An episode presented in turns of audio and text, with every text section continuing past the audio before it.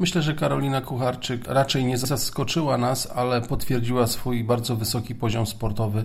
Obawiałem się, że bardzo trudne e, te konkurencje, które wykonuje, e, mogą e, w tym wieku troszkę poplątać zdrowotnie, bo miała problemy z Achillesem, ale wyszła z tego obronną ręką. Trzy złote medale z bardzo dobrymi wynikami, zwłaszcza w konkurencji paraolimpijskiej w skoku w dal 6 metrów i 13 centymetrów, gdzie rekord świata 6,21, który należy również do niej. Myślę, że było bardzo blisko. Tam strasznie wiatr kręcił, ciężko było odnaleźć się na rozbiegu, także tutaj brakowało dosłownie szczęścia, żeby ten rekord poprawić.